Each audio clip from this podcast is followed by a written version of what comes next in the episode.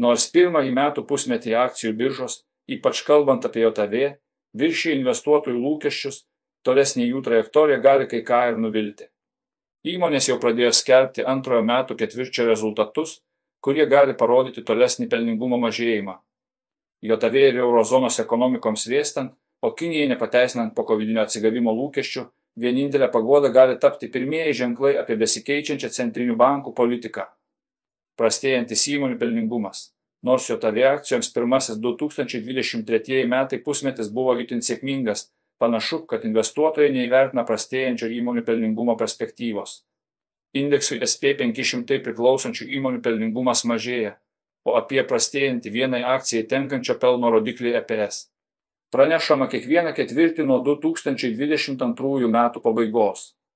Remiantis Bloomberg inteligencija surinktais duomenimis, toks įmonių pelningumo mažėjimas turėtų tęstis bent iki 2023 metų kovo 4. SP500 indekso akcijų patrauklumas sumažėjo JAV išdo vertybinių popierių atžvilgių. Kaip pastebi Svetbank analitikai, skirtumas tarp indekso ir 10 metų trukmės vertybinių popierių paimingumo yra mažiausias nuo 2004 metų pelningumo mažėjimą lemiantis veiksniai. Prognozuojama, kad JAV akcijų 2023 metai vasaris ket pelno sumažėjimą didžiąją dalimi lems žaliavų ir technologijų sektoriai. Nors lūkesčiai technologijoms gerėja, aukšti vertinimai palieka daug vietos nusivylimui. Remiantis Bloomberg inteligencija duomenimis, per antrą ketvirtį tikimasi maždaug 9 procentai pelningumo sumažėjimo. Pelningumo mažėjimas yra susikoncentravęs keliose sektoriuose. Energetikoje sumažėjo beveik 50 procentų, medžiagų, sveikatos priežiūros ir informacinių technologijų. Šie keturi sektoriai sudaro šiek tiek mažiau nei pusę SP500 indekso. Šiuo metu yra pakankamai veiksnių, dėl kurių apie kritusį pelningumą galėtų pranešti ir kitose srityse veikiančios įmonės, įskaitant maržų mažinimą ar spaudimą patiriančius vartotojus, kurie pradeda riboti savo išlaidas. Kita vertus, santykinai žemą lūkesčių kartelę gali viršyti bankų pajamingumas, nustebinti gali ir kitose srityje veikiančios įmonės, vėstant JAV infliaciją. Birželio mėnesį infliacija JAV šiek tiek atvėso paskatindama naujas viltis, kad Federalinis rezervų bankas FED turėtų užbaigti agresyvę palūkanų didinimo politiką netolimoje ateityje. Remiantis praėjusį trečiadienį paskeltais duomenimis, vartotojų kainų indeksas per metus padidėjo 3 procentus, o nuo gegužės jis išaugo vos 0,2 procentus metinės bazinės infliacijos, kuri laikoma tikslesnių kainų trajektorijos rodikliu, pokytis sudarė 4,8 procentus ir buvo mažiausias nuo 2021 metų pabaigos. Tiesa, jis vis dar gerokai viršė FED tikslinį 2 procentų lygį. Rodiklio sumažėjimą lėmė nepastovios prekių ir paslaugų kategorijos, kas rodo, kad būsimas infliacijos mažėjimas toliau vyks nepastoviu tempu. Paskelbus naujausius JAV infliacijos ir užimtumo duomenis Goldman Sachs. Analitikai tikimybę JAV išvengti recesijos per artimiausius 12 mėnesių padino nuo 75 iki 80 procentų ir Morgan analitikai taip pat mano, kad JAV ekonomika turi palyginti gerus šansus išvengti nuosmukio. Liepos 21 dieną duomenimis per dviejų savaičių laikotarpį indeksas duomenės paaugo 3,78 procentai, SP500. Prekybos laikotarpį baigė 2,88 procentai aukščiau, o technologijų indeksas Nasdaq Composite per minimą laikotarpį paaugo 2,54 procentai.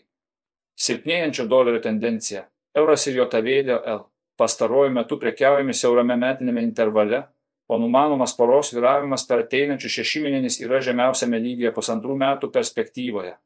Svetbank analitikai pastebi, kad JAV dėl L įprastai silpsta, kai JAV palūkanų normos artėja prie piko, o FED pinigų griežtinimo politika pradeda daryti ženklesnį poveikį šios šalies ekonomikai.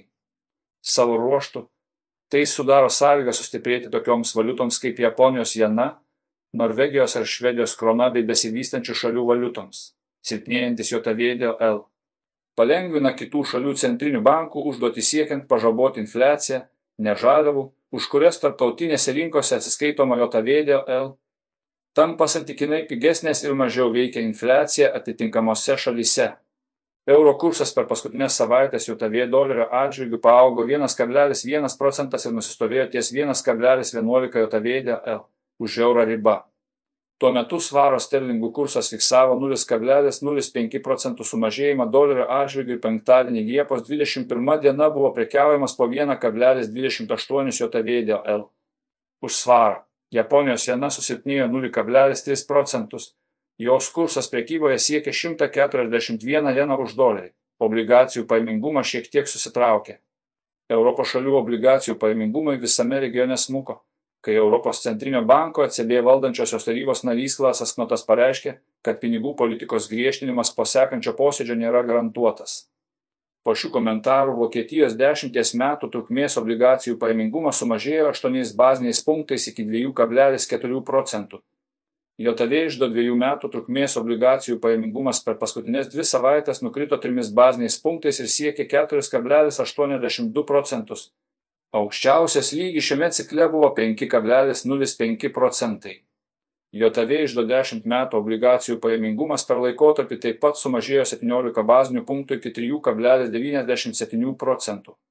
Pajamingumo kreivė, matuojama atotrukiu tarp 2 ir 10 metų pajamingumo išlieka apversta, jos inversija šiek tiek paaugo ir sudaro minus 98 bazinius punktus. ECB užsimena apie griežtinimo pabaigą. Vokietijos Bundesbanko prezidentas Joachimas Nagelis teigia, kad ECB pajėgų sutramdyti infliaciją nepadarydamas didelės ekonominės žalos. Esu įsitikinęs, kad galime infliaciją suvaldyti šiek tiek susilpnindami ekonomiką, bet nesukeldami kieto nusileidimo ir didelio nedarbo, sakė jis. Tiesa, pagrindinės eurozonos infliacijos rodiklis buvo patikslintas į didesnę pusę, kas sustiprino argumentą dėl dar vieno ECB bazinių palūkanų pakelimo kuris numatomas šios savaitės pabaigoje.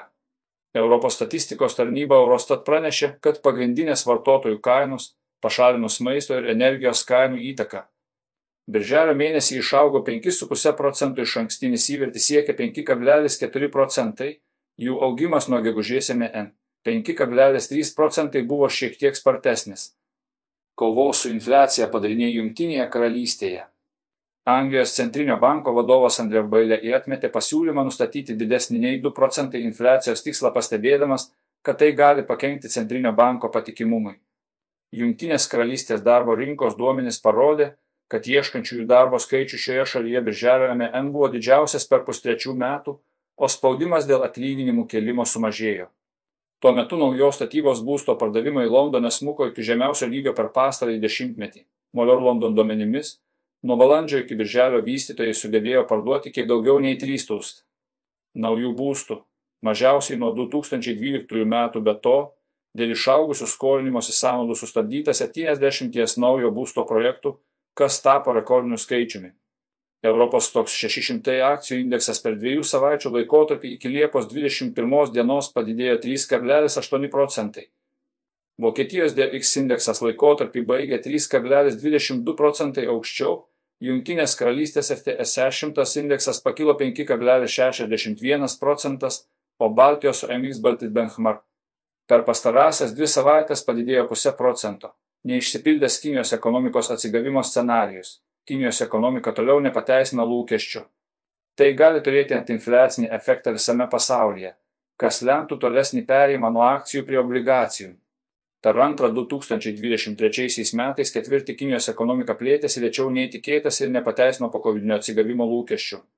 Minimu laikotarpiu Kinijos metinio BVP augimas sudarė 6,3 procentus, kai tikėtasi bent 7,1 procentas augimo. Be to, birželio mėnesį mažmeninės priekybos augimas įsikvėpė, o investicijos į NT traukėsi dar didesniu tempu. Praėjusį mėnesį 10 bazinių punktų sumažinę skolinimo normą Kinijos liaudės bankas toliau buvo nustatęs 2,65 procentai siekiančias vidurinės trukmės paskolų palūkanas. Bloomberg ekonomis skaičiavimais, BVP kainų defliatorius tapo neigiamas pirmą kartą nuo 2009 metų dabartinė ekonominė dinamika Kinijoje pastebimai skiriasi nuo iki covidinės eros. Kai Kinija atliko pasaulio fabriko funkciją, ši šalis bando paskatinti vidinį vartojimą, tačiau mažmeninės prekybos apimtis neauga ir pereiti prie vidaus paklausa paremto ekonomikos modelio nesiseka. Įsitvirtinus paklausos šoko sukeltai defliacijai tampa vis sunkiau įsivaizduoti, kaip akcijų kainos galėtų viršyti lūkesčius Kinijoje. Japonijos Nikkei 225 dviejų savaičių laikotarpiu paaugo 0,4 procentai, o Kinijos DLX CSI 300 nukrito 0,6 procentai Hongkongo HNG SNG. Per palyginamąjį laikotarpį paaugo 3,22 procentai naftos ir vario perspektyvos. Perėjimas prie atsinaujinančių energijos šaltinių turėtų reikšti, kad varis turi ilgalaikį pranašumą prieš naftą. Tačiau temstant pasaulinės gamybos perspektyvoms ir Kinijos atsigavimui bei oficialiant naftos kainą, Svetbank analitikai pastebi, kad kol kas galime sulaukti atvirkštinio efekto. OPC alijansas šįmet jau du kartus mažino naftos išgavimą, o savo tolesnius įsipareigojimus dėl naftos kainos palaikymo patvirtino Saudo Arabijos ir Rusijos susitarimu.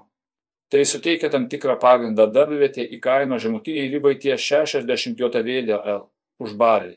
Baris tokios paramos neturi ši žaliava gerokai jautriau reaguoja į mažėjančią paklausą pramonės sektoriuje. Kadangi pirkimo vadybininkų indeksas PMI mažėja visame pasaulyje, indeksas yra žemesnėme nei 50 punktų lygyje nuo eurozonos iki Japonijos ir rodo pramonės susitraukimą, tai daro neigiamą poveikį žaliavoms. Įskaitant ir varį bei naftą. Tiesa, Australijos gavybos milžinės repinto valdybos pirmininkas Dominicas Bartonas teigia, kad pasaulyje egzistuoja tokia didelė paklausa variui atsižvelgianti atsinaujinančios energetikos plėtrą, jog dabartiniai jo gavybos mastai atrodo jokingai.